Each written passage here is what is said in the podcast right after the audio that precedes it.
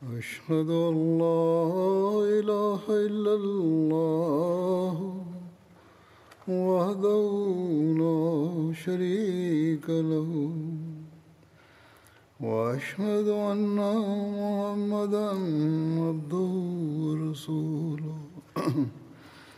أما بعد فأعوذ بالله من الشيطان الرجيم.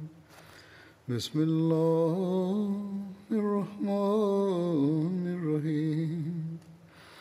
الحمد لله رب العالمين. الرحمن الرحيم. مالك يوم الدين. إياك نعبد وإياك نستعين. اهدنا الصراط المستقيم. صراط الذين أنعمت عليهم. غير المغضوب عليهم ولا الضالين.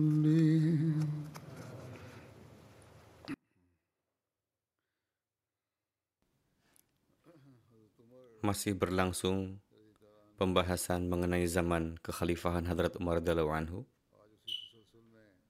Masih berkenaan dengan itu, pada hari ini akan saya sampaikan perihal penaklukan Baitul Muqaddas pada tahun 15 Hijriah. Di bawah komando Hadrat Amr bin As, Laskar Islam berhasil mengepung Baitul Muqaddas mereka pun bergabung dengan Laskar Abu Ubaidah. Setelah tak tahan berada di balik benteng, umat Kristen datang dan menawarkan damai. Namun, mereka menetapkan syarat bahwa Hadrat Umar sendiri yang datang untuk membuat perjanjian. Hadrat Abu Ubaidah mengabarkan hal tersebut kepada Hadrat Umar. Hadrat Umar bermusyawarah dengan para sahabat.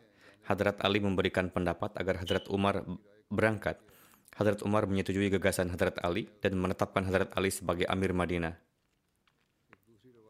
Dalam riwayat lainnya disebutkan bahwa Hadrat Utsman lah yang ditetapkan sebagai Amir Madinah. Setelah itu Hadrat Umar berangkat menuju Baitul Maqdis. Perjalanan beliau itu bukanlah perjalanan biasa, karena yang menjadi tujuan adalah untuk menimbulkan ru'ub Islam di dalam hati para musuh Islam. Namun ketika beliau berangkat, dalam berbagai riwayat dikatakan bahwa kedatangan Hadrat Umar tidaklah disertai tetabuhan dan tidak juga disertai laskar-laskar layaknya raja-raja duniawi. Sampai sampai kemah yang sederhana pun tidak ada. Saat itu Hadrat Umar mengendarai kuda dan beberapa sahabat dari kalangan muhajirin dan ansar. Dalam satu riwayat dikatakan bahwa Hadrat Umar hanya disertai seorang budak belian, tepung jelai, dan wadah dari kayu untuk makan. Namun meskipun demikian, ke mana pun kabar keberangkatan beliau dari Madinah ke Baitul Muqaddas sampai menimbulkan kehebohan. Dijelaskan perihal perjalanan singkat sebagai berikut.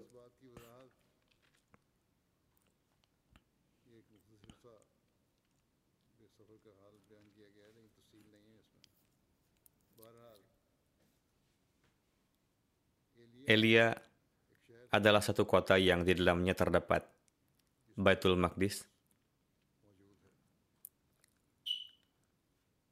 berkenaan dengan siapa yang mengepung Baitul Maqdis dan siapa yang memohon kepada Hadrat Umar untuk berangkat ke Baitul Maqdis.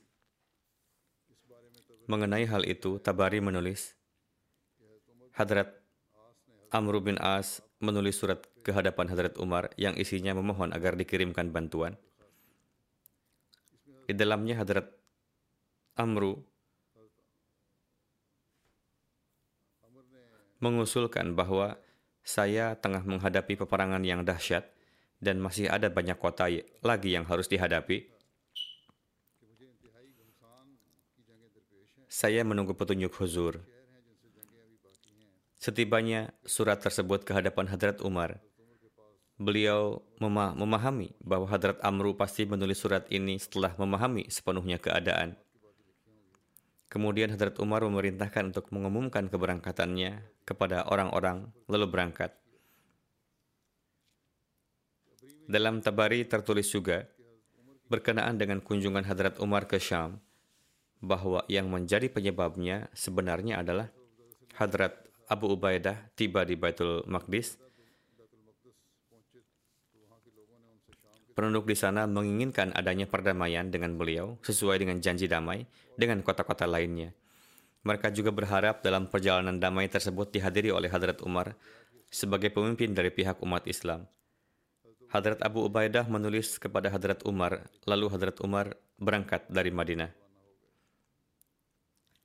Namun, sebagian sejarawan tidak sepakat dengan riwayat Abu Ubaidah.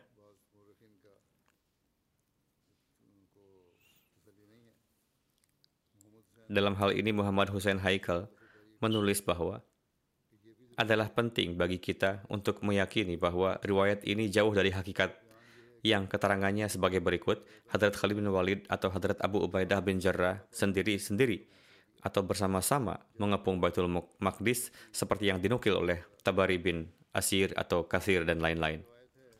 Tabari meriwayatkan bahwa yang menjadi alasan keberangkatan Hadrat Umar ke Syam adalah Hadrat Abu Ubaidah telah mengepung Baitul Maqdis. Penduduk kota mengajukan perjanjian damai sebagaimana telah dilakukan dengan daerah-daerah Syam lainnya dengan syarat. Namun di dalamnya diajukan lagi satu syarat lainnya, yakni Hadrat Umar diharapkan hadir di dalamnya untuk membuat perjanjian. Hadrat Abu Ubaidah mengabarkan dari Madinah.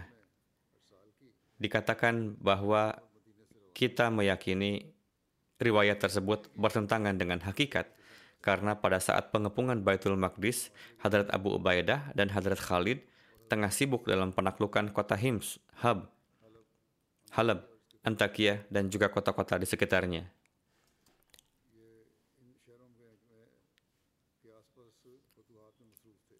Sebaliknya, Heraklius tengah berada di daerah Roha, tengah mengumpulkan laskar untuk memaksa mereka kembali mundur.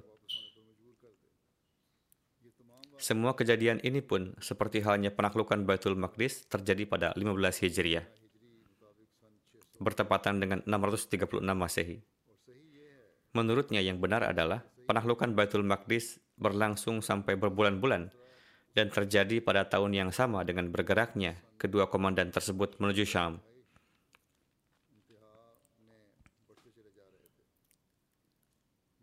Hingga mereka memaksa Heraklius untuk berlindung di ibu kota. Dalam hal ini, mereka berdua tengah sibuk di tempat lain. Untuk itu, tidaklah masuk akal jika dikatakan bahwa keduanya mengepung Baitul Maqdis pada saat itu. Dengan demikian, kita terpaksa menyatakan bahwa pendapat tersebut tidak dapat diterima. Dalam hal ini, masih satu riwayat yang disampaikan. Masih ada yang lainnya, yakni Hadrat Amr bin As tengah telah mengepung Baitul Maqdis dan berlangsung cukup lama. Tabari pun sebelumnya telah menulis mengenai hal ini dan penduduk Baitul Maqdis pun menghadapi pasukan muslim dengan gencar dan semangat. Riwayat inilah yang sahih menurut kita karena sepakat dengan pendapat tersebut yakni berkenaan dengan pertempuran yang terjadi, jelas bahwa yang dimaksud itu adalah pertempuran yang dilakukan untuk menghadapi setiap serangan dalam waktu yang berbeda-beda. Muhammad Hussein Haikal lebih lanjut menulis bahwa mengherankan jika dikatakan bahwa Hadrat Umar berangkat bersama Laskar hanya untuk memenuhi perjanjian damai, yakni untuk menerapkan perjanjian. Juga mengherankan jika dikatakan bahwa jika penduduk Baitul Maqdis mengajukan kepada Hadrat Umar untuk berangkat dari Madinah untuk memenuhi perjanjian damai, padahal mereka tahu bahwa jika ada kafilah yang berangkat dari Madinah tanpa henti menuju tempat mereka akan memakan waktu tiga minggu penuh. Untuk itu, menurutnya yang benar adalah lamanya pengepungan dan dari surat-surat Hadrat Amr bin As yang di dalamnya disebutkan kekuatan musuh dan dimintakan bantuan, ukuran kesabaran Hadrat Umar sudah penuh. Untuk itu, ketika Hadrat Umar dimintai bantuan, Hadrat Umar pun ikut berangkat dan tinggal sementara di Jablah, Jabiah, area yang terdapat di antara gurun Syam dan tanah Urdan. Pada saat itu Hadrat Abu Ubaidah dan Hadrat Khalid telah selesai dari penaklukan Syam. Hadrat Umar memerintahkan keduanya untuk menemui beliau di Jabiah supaya Hadrat Umar dapat mencari jalan yang paling tepat untuk misi Baitul Maqdis setelah bermusyawarah dengan mereka dan para komandan pasukan.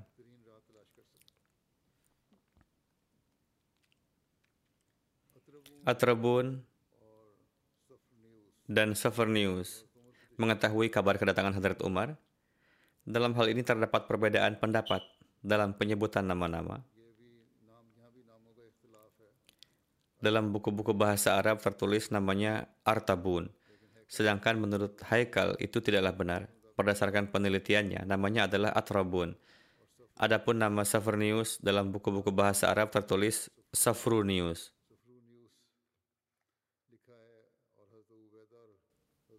tertulis.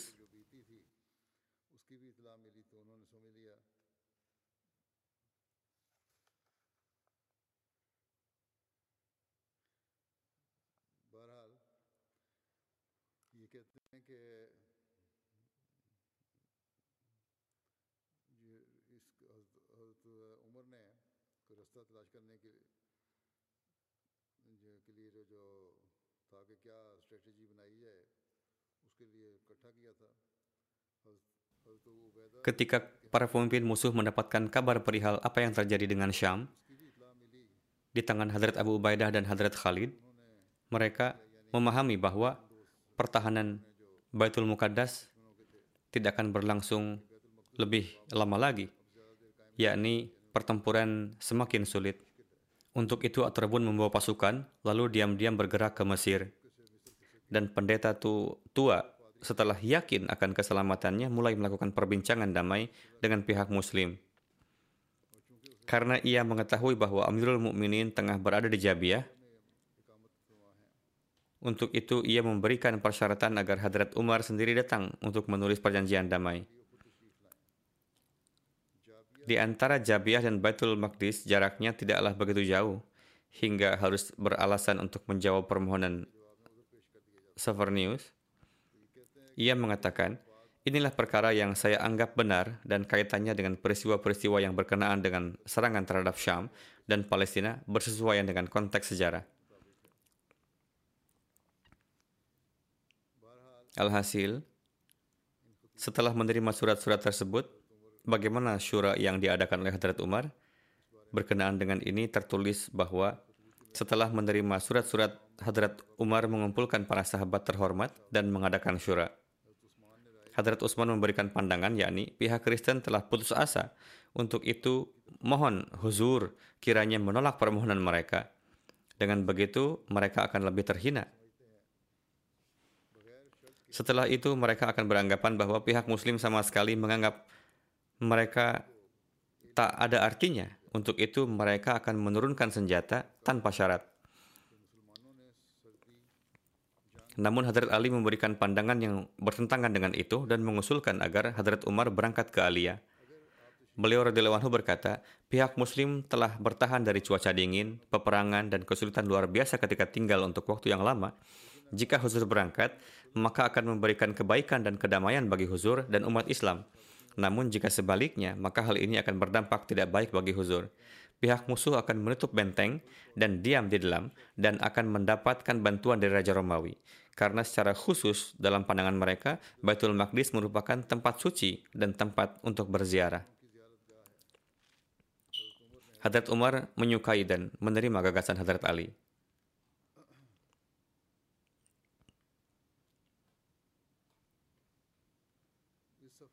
Dalam safar tersebut, selain Muhajirin dan Ansar ikut juga Hadrat Abbas bin Abdul Muthalib.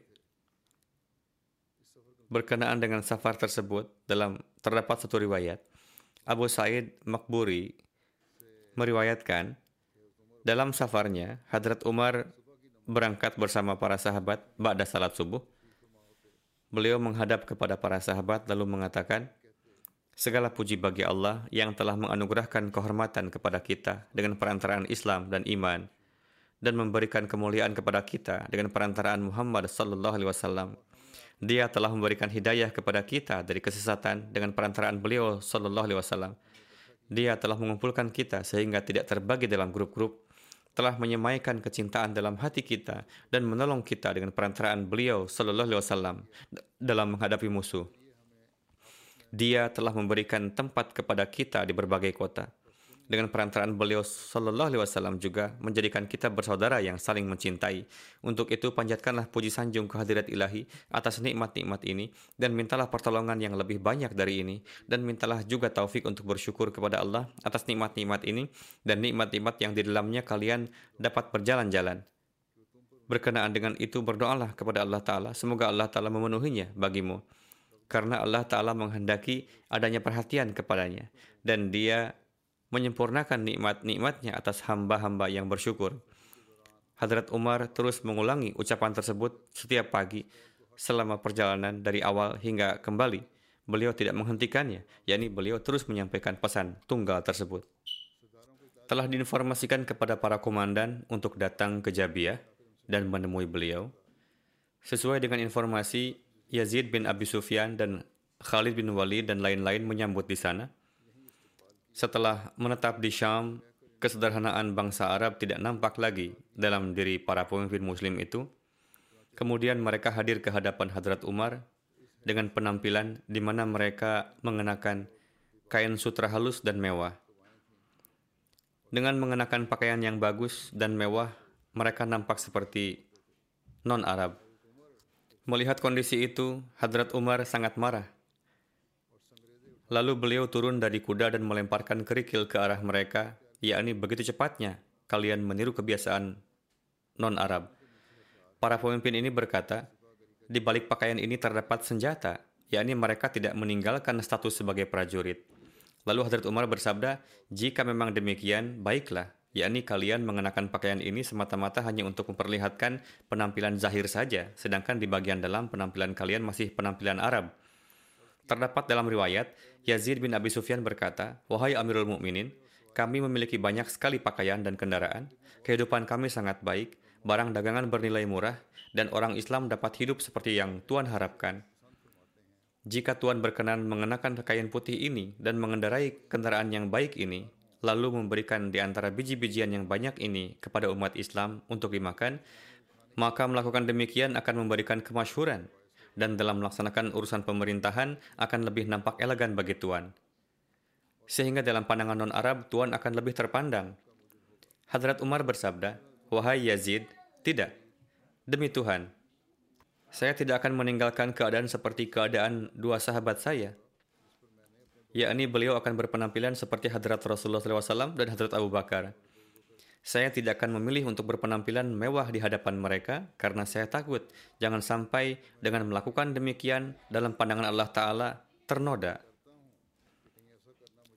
Saya juga tidak ingin dalam pandangan manusia saya dipandang terhormat, sedangkan di hadapan Allah Ta'ala nampak tidak berarti. Alhasil, Hadrat Umar tetap pada keadaan yang dicontohkan oleh Rasulullah dan Hadrat Abu Bakar hingga akhir hayat.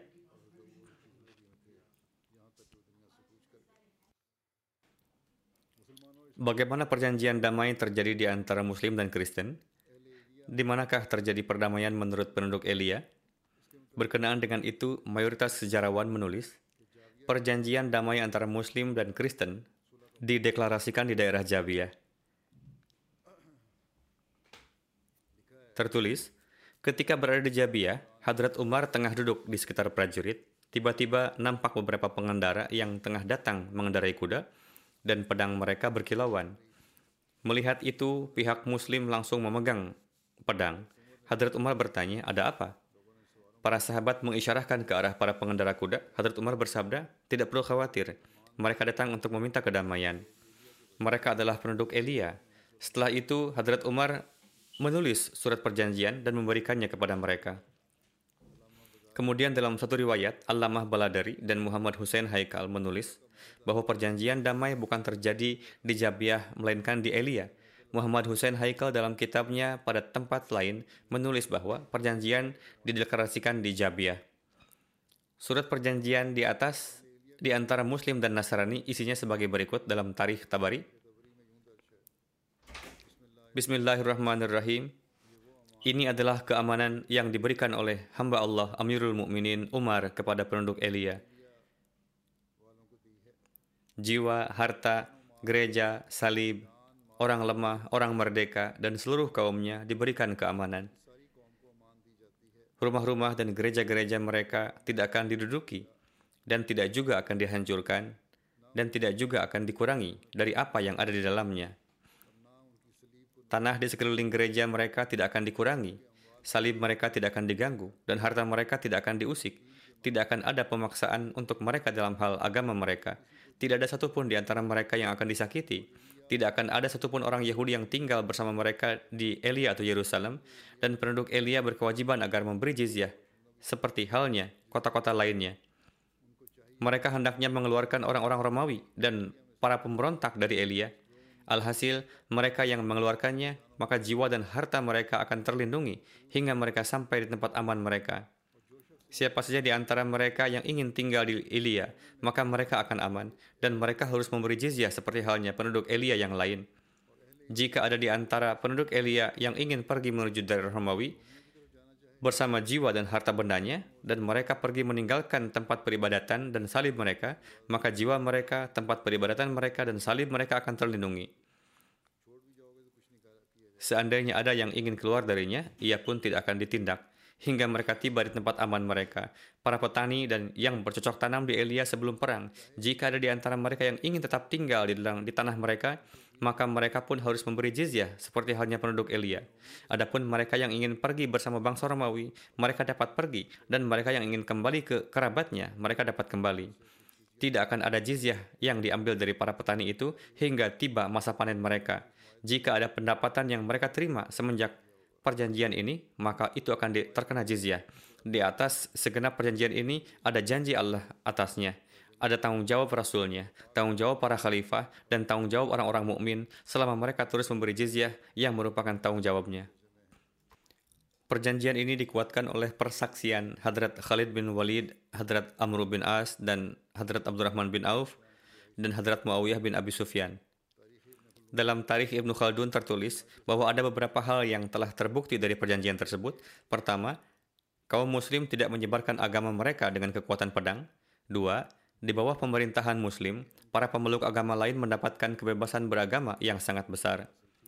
Tiga, jizyah yang diterima dari kaum lain tidaklah diambil dengan paksaan. Mereka memiliki kebebasan, baik untuk tinggal ataupun memberi jizyah. Dalam kedua corak tersebut, mereka tetap diberi perlindungan tatkala penduduk Ramallah menerima berita perdamaian ini, maka mereka pun sangat mengharapkan perjanjian seperti demikian dengan Amirul Mukminin. Demikian pula lah keadaan penduduk yang lain di wilayah Palestina. Ada surat yang dikirim dari Hadrat Umar kepada penduduk di Lud yang di bawahnya pun melingkupi juga beberapa kota yang pada akhirnya menerima kesetiaan dengan kaum muslim. Bahwa di dalam surat ini Hadrat Umar memberi perlindungan kepada seluruh jiwa, harta, gereja, dan salib mereka. Mereka yang sehat maupun yang sakit, dan pemeluk seluruh agama, dan bersabda, jika mereka memberi jizyah seperti halnya kota-kota di Syam, maka tidak akan ada paksaan dalam agama mereka, dan mereka tidak akan diganggu atas dasar perselisihan ajaran agama. Setelah menyelesaikan semua pekerjaan tersebut, Hadrat Amirul Mukminin mengangkat dua pemimpin di wilayah Palestina dan membagi dua wilayah negeri tersebut pada mereka berdua. Maka dari itu, pemerintahan Al-Qamah bin Hakim terletak di Ramallah, sementara Al-Qamah bin Mujazziz terletak di Elia. Hadrat Umar berkunjung di Baitul Maqdis. Berkenaan dengan ini tertulis bahwa tatkala Hadrat Umar memberi perlindungan dan keamanan kepada penduduk Elia dan beliau menempatkan pasukan di Elia, maka beliau lantas pergi ke eh, dari Jabiah ke dekat Baitul Maqdis. Kemudian tertulis bahwa ketika Hadrat Umar menunggangi kuda beliau, beliau lalu merasa bahwa kuda beliau tidak dapat berjalan lurus karena sakit di kaki kuda beliau. Lalu dibawakan satu kuda peranakan Turki untuk Hadrat Umar dan beliau pun menungganginya. Kuda itu mengelak sehingga beliau turun darinya. Beberapa hari kemudian Hadrat Umar mencari kuda beliau yang telah beliau tinggalkan tersebut. Kuda itu tengah dirawat. Beliau lalu menungganginya hingga akhirnya berangkat ke Baitul Maqdis. Setelah tiba di dekat Baitul Maqdis, Hadrat Abu Ubaidah datang bersama para pemimpin tentara untuk menyambut beliau. Pakaian dan peralatan Hadrat Umar sangatlah sederhana karena beranggapan tentang apa yang kelak dikatakan oleh orang-orang Nasrani. Beliau pun diberikan jubah yang sangat mewah. Namun beliau bersabda, kehormatan yang telah Tuhan beri kepada Anda sekalian adalah kehormatan Islam dan hal ini adalah cukup bagi kita. Lalu para pendeta Nasrani sendiri pun mengamanatkan kunci-kunci kota kepada Hadrat Umar. Hadrat Umar pertama-tama mengunjungi Masjid Aqsa. Lalu beliau datang ke gereja umat Kristen dan terus mengamatinya. Hadrat Umar berkeliling di gereja-gereja Kristen Waktu salat pun telah tiba dan kaum Kristen memberi izin kepada Hadrat Umar untuk salat di dalam gerejanya. Namun Hadrat Umar yang berpikir bahwa dengan ini generasi selanjutnya akan menjadikannya dalil untuk mengambil alih tempat peribadatan Kristen. Maka beliau pun salat di luar. Ketika bermukim di Elia, para pemimpin pasukan muslim mulai mengundang Hadrat Umar untuk jamuan. Mereka menyiapkan hidangan dan memohon Hadrat Umar agar datang ke kemahnya. Untuk menghormati mereka, Hadrat Umar menerima undangan mereka, tampak bahwa Hadrat Abu Ubaidah tidak mengundang Hadrat Umar. Hadrat Umar bersabda kepada Hadrat Abu Ubaidah, Selain Anda, tidak ada lagi satupun pemimpin pasukan yang tidak mengundang saya. Atas hal ini, Hadrat Abu Ubaidah menjawab, Wahai Amirul Muminin, saya takut bahwa jika saya mengundang Huzur, Huzur tidak akan dapat menguasai diri, yakni Huzur akan terharu. Lalu Hadrat Umar pergi ke kemah Hadrat Abu Ubaidah. Ketika tiba, beliau melihat tidak ada apa pun di sana kecuali kain alas kuda beliau. Di sana jugalah tempat tidur dan pelana kuda Hadrat Abu Ubaidah yang beliau fungsikan sebagai bantal. Pelana dijadikan sebagai bantal dan alas pelana dijadikan sebagai alas tidur. Ada roti kering di salah satu sudut kemah beliau. Hadrat Abu Ubaidah mengambilnya dan meletakkannya di atas tanah di hadapan Hadrat Umar. Lalu beliau membawa garam dan mangkuk tanah yang berisi air. Tatkala Hadrat Umar melihat pemandangan ini, beliau pun menangis. Lalu Hadrat Umar mendekap erat Hadrat Abu Ubaidah dan bersabda, Anda adalah saudaraku. Tidak ada seorang pun di antara sahabatku di mana ia telah mengambil sesuatu dari dunia, dan dunia pun telah mengambil sesuatu darinya, kecuali Anda. Atas hal ini, Hadrat Abu Ubaidah berkata, Bukankah saya telah menyampaikan sebelumnya ke hadapan Huzur bahwa Huzur tidak akan sanggup menguasai diri? Lalu Hadrat Umar berdiri dari antara orang-orang dan keluar seraya menyeru, menyeru puji sanjung kehadirat Allah Ta'ala yang merupakan haknya. Lalu setelah menyampaikan salawat kepada Nabi Suci Sallallahu Alaihi Wasallam, beliau bersabda, Wahai segenap kaum muslim, sungguh Allah telah menyempurnakan janjinya atasmu dan dia telah menolongmu sekalian atas segenap musuh dan dia telah menjadikanmu sebagai pewaris negeri-negeri itu dan dia telah menganugerahkan keteguhan padamu di atas bumi.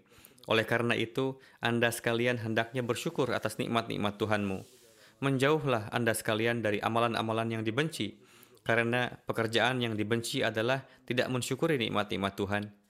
Dan sangat sedikit terjadi di mana tatkala Allah menganugerahkan nikmat pada suatu kaum, lalu kaum itu tidak mensyukurinya, dan dia tidak segera melakukan taubat, kecuali pasti Allah akan menjatuhkan kehormatan mereka.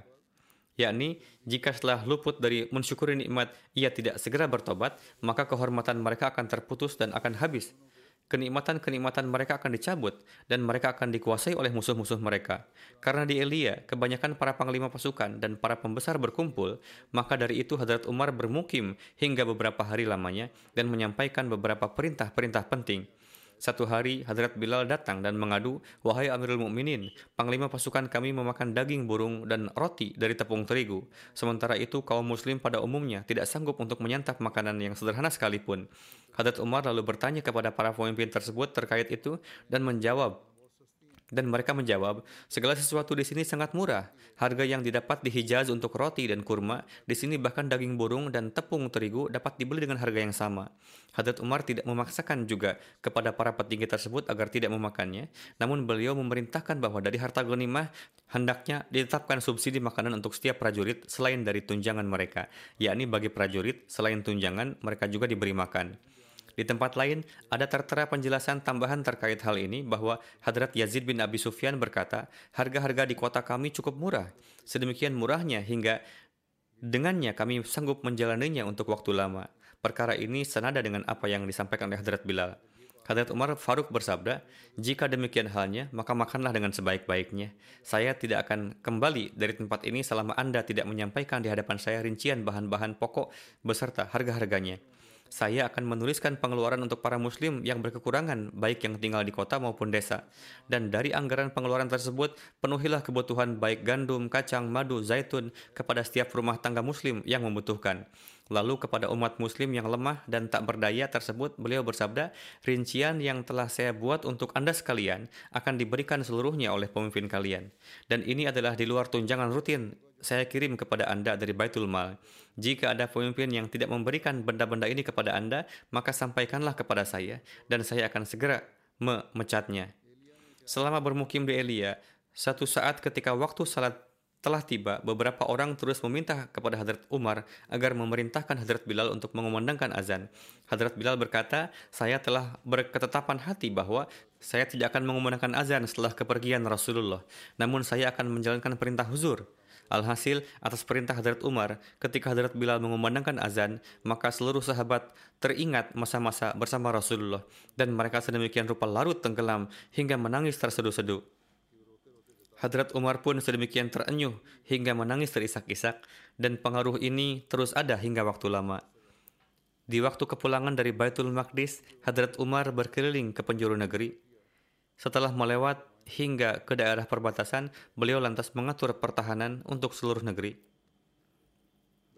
Alhasil, maksud dari kunjungan Hadrat Umar ke Baitul Maqdis ini pun telah terpenuhi dan beliau pun kembali ke Madinah dengan mengambil jalan semula yang beliau tempuh saat pergi.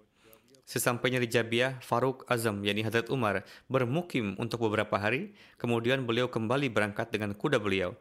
Mengenai kegiatan apa saja yang beliau telah lakukan di wilayah Palestina, Hadrat Ali dan umat muslim lainnya telah mengetahuinya.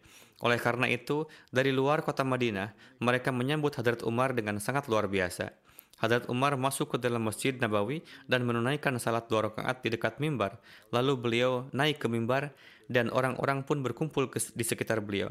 Beliau berdiri memanjatkan puji sanjung kepada Allah Ta'ala dan setelah bersalawat kepada Nabi Suci Sallallahu Alaihi Wasallam, beliau bersabda, Wahai manusia, Allah sungguh telah menurunkan kebaikan demi kebaikan atas umat ini supaya anda sekalian menyampaikan puji sanjung dan memanjatkan syukur kepadanya Allah telah memberi kemuliaan pada ajaran umat ini. Dia telah mempersatukannya dan menampakkan kemenangan umat Islam. Dia telah menurunkan bantuan dalam melawan segenap musuh dan menurunkan kehormatan atasnya, dan dia telah meneguhkan mereka di muka bumi, dan dia telah menjadikan mereka pewaris dari daerah-daerah kaum musyrik, baik rumah mereka dan perbendaharaan mereka. Oleh karena itu, teruslah bersyukur setiap saat kehadirat Allah Ta'ala karena dia akan menganugerahkan yang lebih banyak kepadamu sekalian. Panjatkanlah puji sanjung kepada Allah Ta'ala atas nikmat-nikmat yang telah dia turunkan atasmu ini. Maka dia akan senantiasa mengukuhkan nikmat-nikmat ini atas anda semua. Semoga Allah menjadikan kami dan anda semua di antara hamba-hambanya yang bersyukur.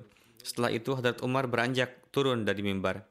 Hadrat Khalifatul Masih yang pertama menjelaskan, di pengepungan Yerusalem, para pendeta berkata, jika khalifah Anda datang, maka kami akan membiarkannya masuk. Hadrat Umar berangkat dengan sedemikian sederhananya, yakni bergantian menunggangi unta bersama para khadimnya. Hadrat Abu Ubaidah menyampaikan, Huzur, mohon kenakanlah pakaian lain dan menunggangi kuda. Hadrat Umar menerima usulan ini, namun setelah sedikit jauh, beliau turun dari kuda dan bersabda, bawalah pakaian dan unta saya yang biasa. Tatkala Hadrat Umar tiba, Batrik dan yang lain pun tunduk akan karisma beliau dan menjatuhkan kunci-kunci mereka.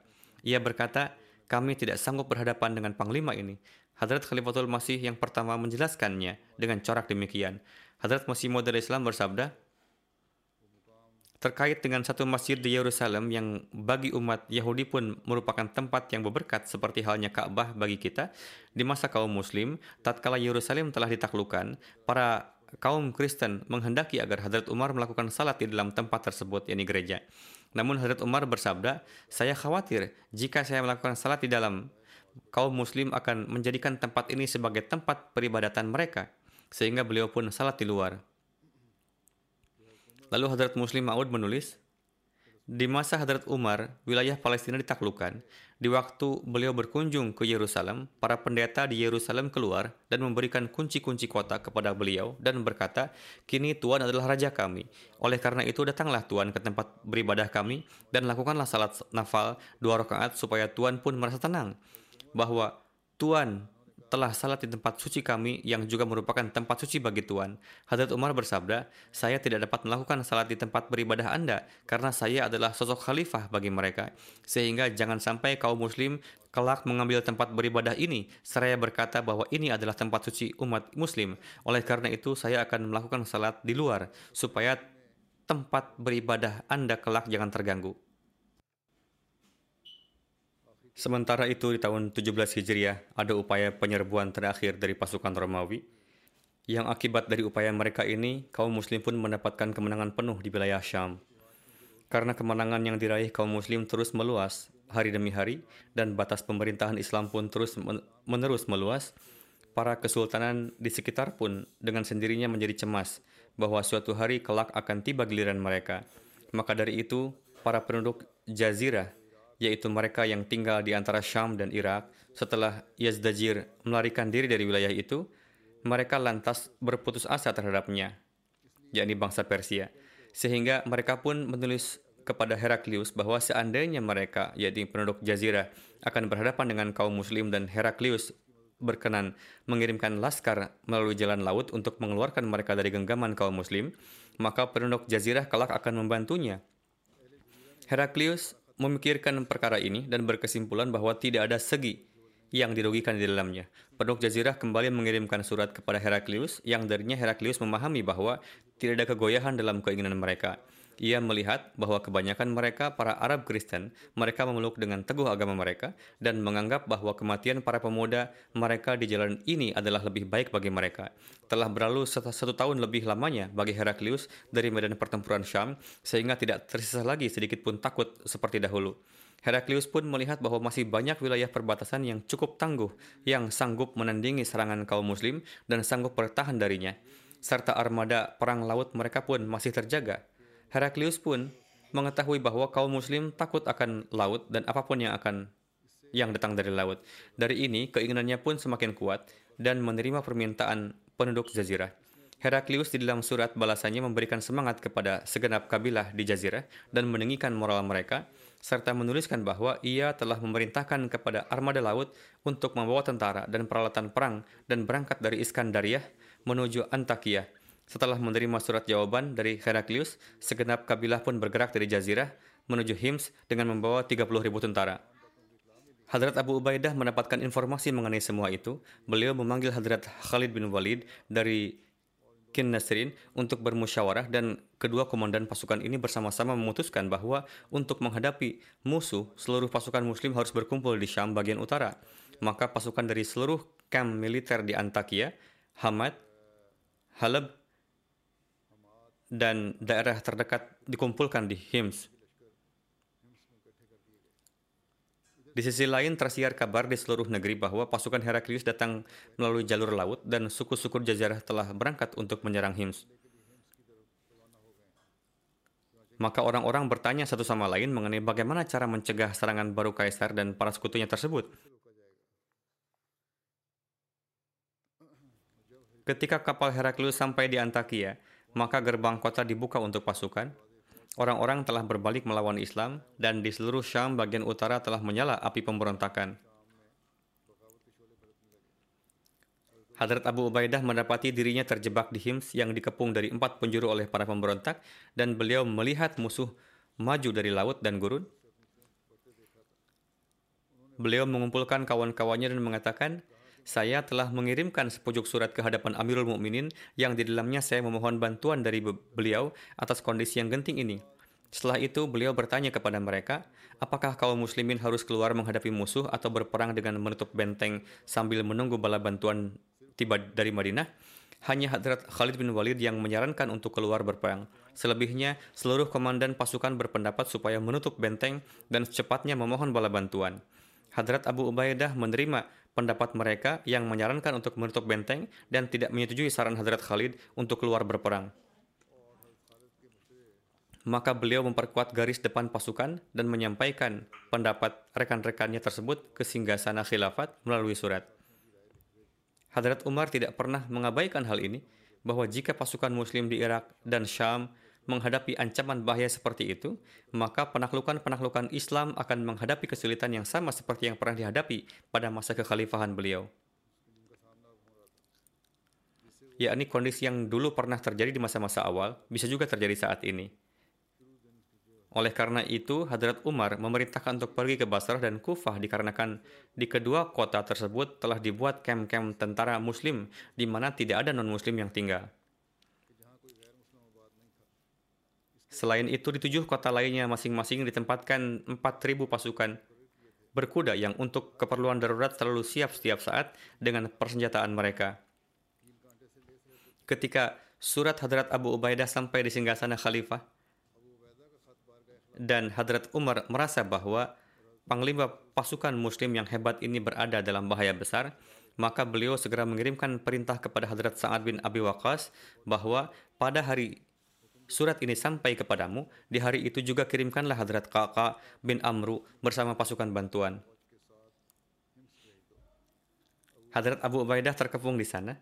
Hendaknya secepat dan segera mungkin bala bantuan sampai kepadanya. Hadrat Sa'ad pada hari itu juga melaksanakan perintah Amirul Mukminin dan 4.000 pasukan berkuda berpengalaman dipimpin oleh Hadrat Kakak berangkat dari Kufah menuju Hims.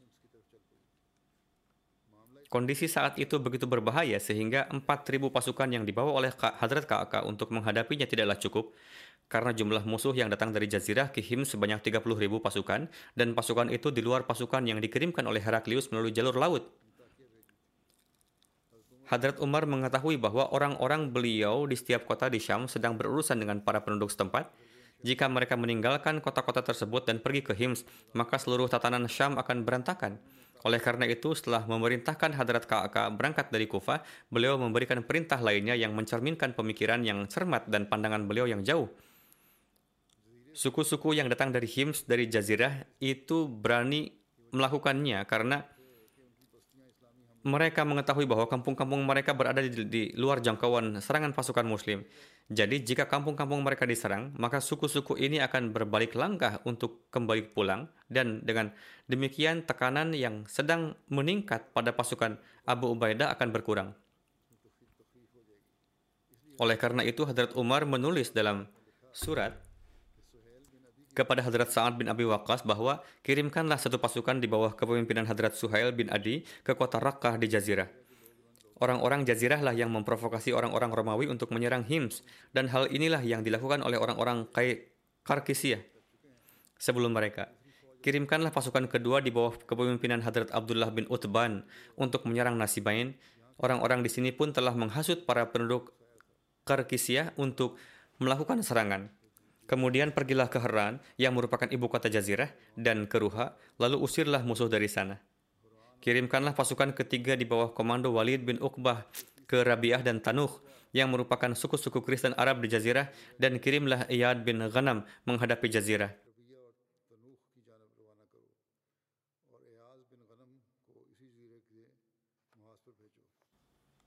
Jika terjadi peperangan, maka komandan pasukan lainnya akan berada di bawah Iyad bin Ghanam. Maka ketika seluruh pemimpin pasukan ini berangkat, orang-orang Jazirah meninggalkan pengepungan Hims dan kembali ke Jazirah. Inilah kebijaksanaan, siasat, dan strategi Hadrat Umar.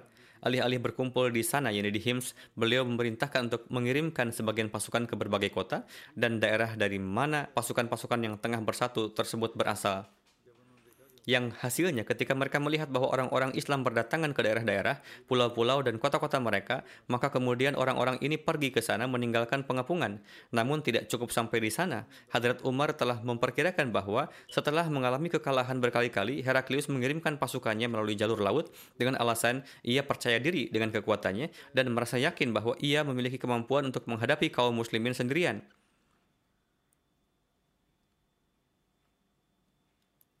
Bukti terkuat dari hal ini adalah ia menetapkan putranya sendiri, Konstantin, sebagai komandan pasukan yang datang menggunakan kapal-kapal dari Iskandaria.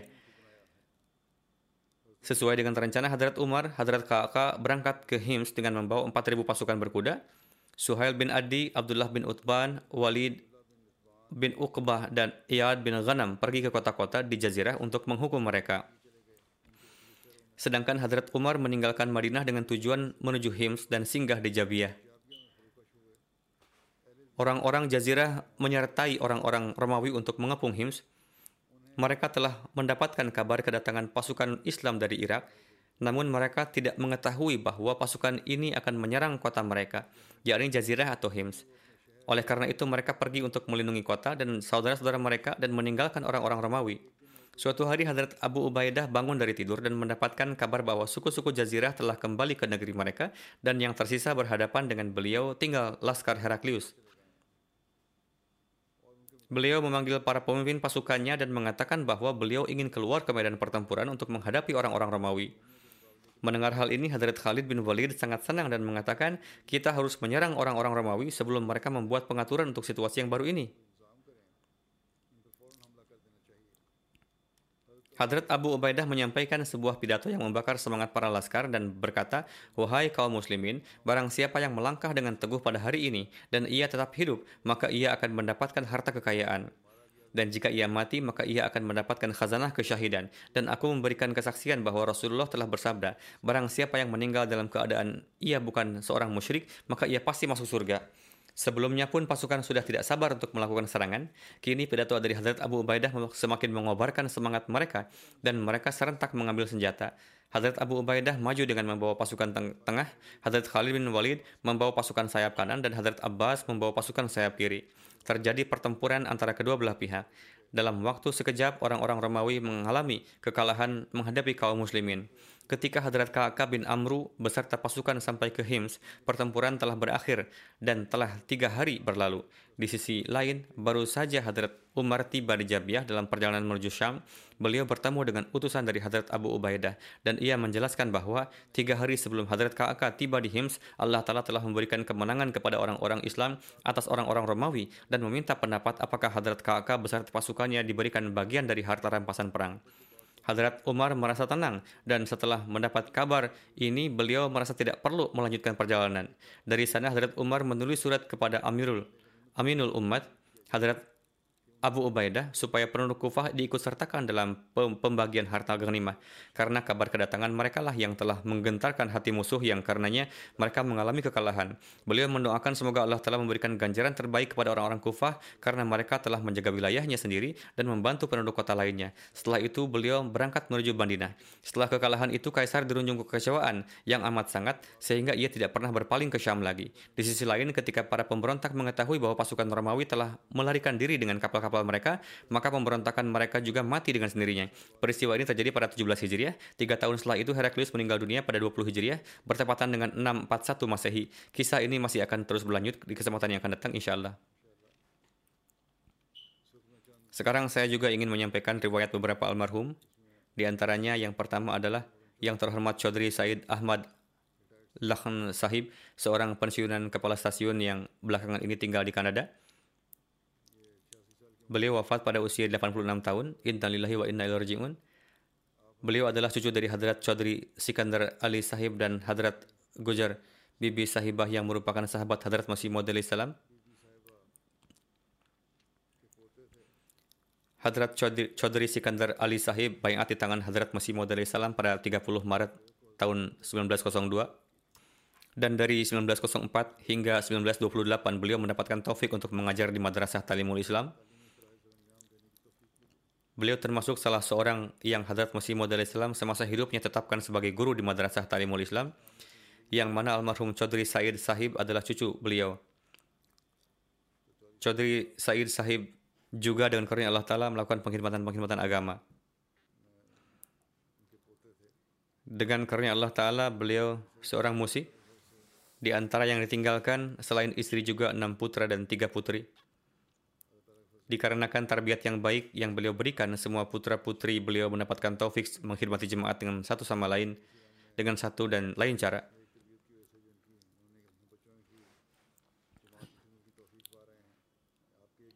Seorang putra beliau, Fahim Ahmad Lahan, adalah mubalik jemaat yang mendapatkan taufik berkhidmat di Kenya dan dikarenakan sedang berada di lapangan pengkhidmatan, tidak bisa hadir dalam prosesi jenazah ayahanda beliau,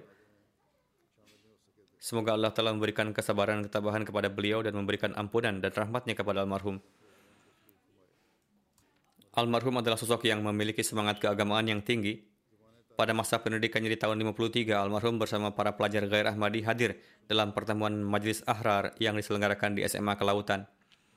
Ketika Ataullah Syah Bukhari melontarkan tuduhan kotor terhadap Hadrat Masih Maud salam dan menggunakan kata-kata yang tidak senonoh berkenaan dengan beliau alaihissalam, maka almarhum seketika berdiri dan memperingatkan maulwi tersebut dan ketika maulwi ini masih sedang menyampaikan pidatonya, beliau mengatakan kepadanya, kamu hanyalah berbohong dan menyuruhnya untuk diam.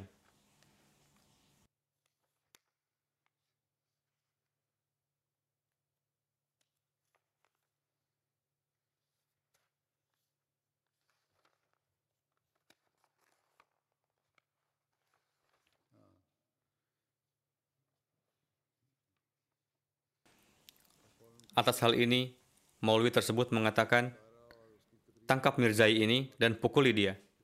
Beliau dianiaya dengan kejam, namun kemudian terjadi kericuhan dalam pertemuan tersebut dan pertemuan itu bubar. Beliau selalu menasihati anak-anaknya supaya dalam urusan jemaat janganlah tunduk dan takut kepada siapa pun.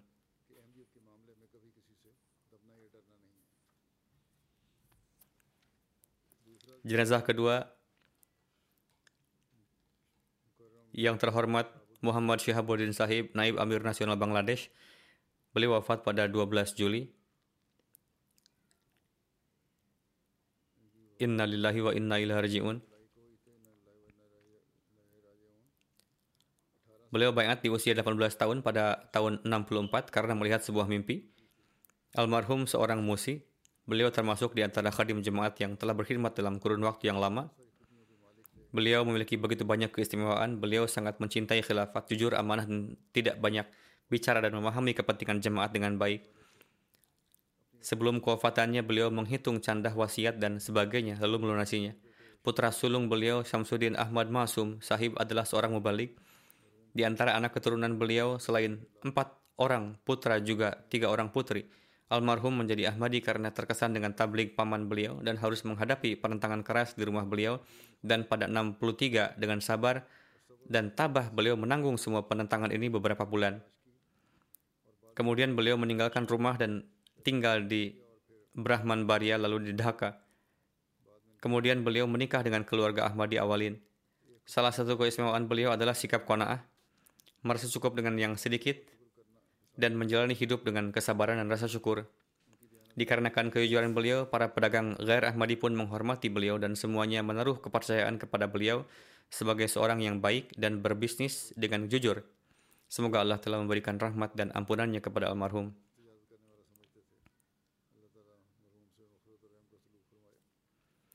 Jenazah selanjutnya yang terhormat Raul Abdullah Sahib, seorang berkebangsaan Argentina, Beliau wafat pada 6 September. Inna lillahi wa inna ilaihi raji'un.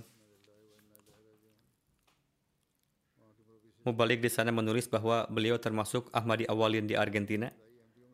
Jemaat Argentina adalah jemaat yang masih sangat baru, baru berdiri beberapa tahun yang lalu. Perkenalan pertamanya dengan jemaat Ahmadiyah terjadi di sebuah pameran buku pada tahun 2018 ketika beliau menjalin hubungan dengan jemaat, maka teman-teman muslim non-Ahmadi beliau ingin menjauhkan beliau dari jemaat. Namun meskipun demikian, beliau tetap serius, tetap terus ikut serta secara rutin dalam kegiatan-kegiatan jemaat. Bagaimanapun disebabkan pengaruh kawan-kawannya tersebut, timbul sedikit keraguan dan kebimbangan dalam hati beliau. Untuk menjauhkan keraguan tersebut, beliau ikut serta dalam jalsah salanah UK Beliau datang ke sini dengan biaya pribadi. Di sini beliau bermulakat dengan saya, yakni Huzur, dan setelah mulakat itu kemudian keraguan dan kebimbangan itu hilang dan sepenuhnya yakin. Lalu beliau beat dan sebelum beat pun sebetulnya beliau telah menjadi Ahmadi. Beliau biasa bertablik kepada orang-orang, namun beat secara resmi beliau lakukan di sini. Beliau satu-satunya muslim dalam keluarga beliau Kawan-kawan beliau hingga akhir hayatnya berusaha untuk menjauhkan beliau dari jemaat, namun beliau dengan istiqomah tetap teguh dalam jemaat. Beliau memiliki gairah tinggi terhadap jemaat dan selalu dengan bangga memperkenalkan diri sebagai Ahmadi kepada sesama Ahmadi maupun non-Ahmadi. Beliau biasa ikut serta dalam kegiatan-kegiatan jemaat dengan penuh semangat dan keikhlasan. Semoga Allah telah memberikan ampunan dan rahmatnya kepada beliau dan memberikan taufik kepada kerabat serta orang-orang terkasih beliau untuk menerima Ahmadiyah setelah salat saya akan melaksanakan salat jenazah gaib mereka.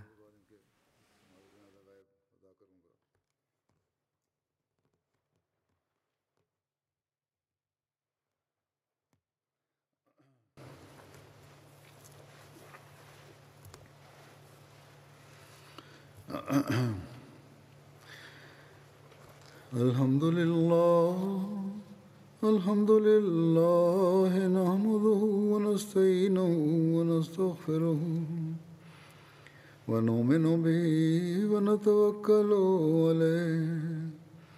ونعوذ بالله من شرور أنفسنا ومن سيئات أعمالنا. من يهده الله فلا مضل له ومن يضلل فلا هادي له. ونشهد أن لا إله إلا الله. ونشهد أن محمدا عبده ورسوله. عباد الله رحمكم الله. إن الله يأمر بالعدل والإحسان. وإيتاء ذي القربى وينهى عن الفحشاء والمنكر والبغي. يعظكم لعلكم تذكرون. اذكروا الله يذكركم وادعوه يستجب لكم. ولذكر الله أكبر.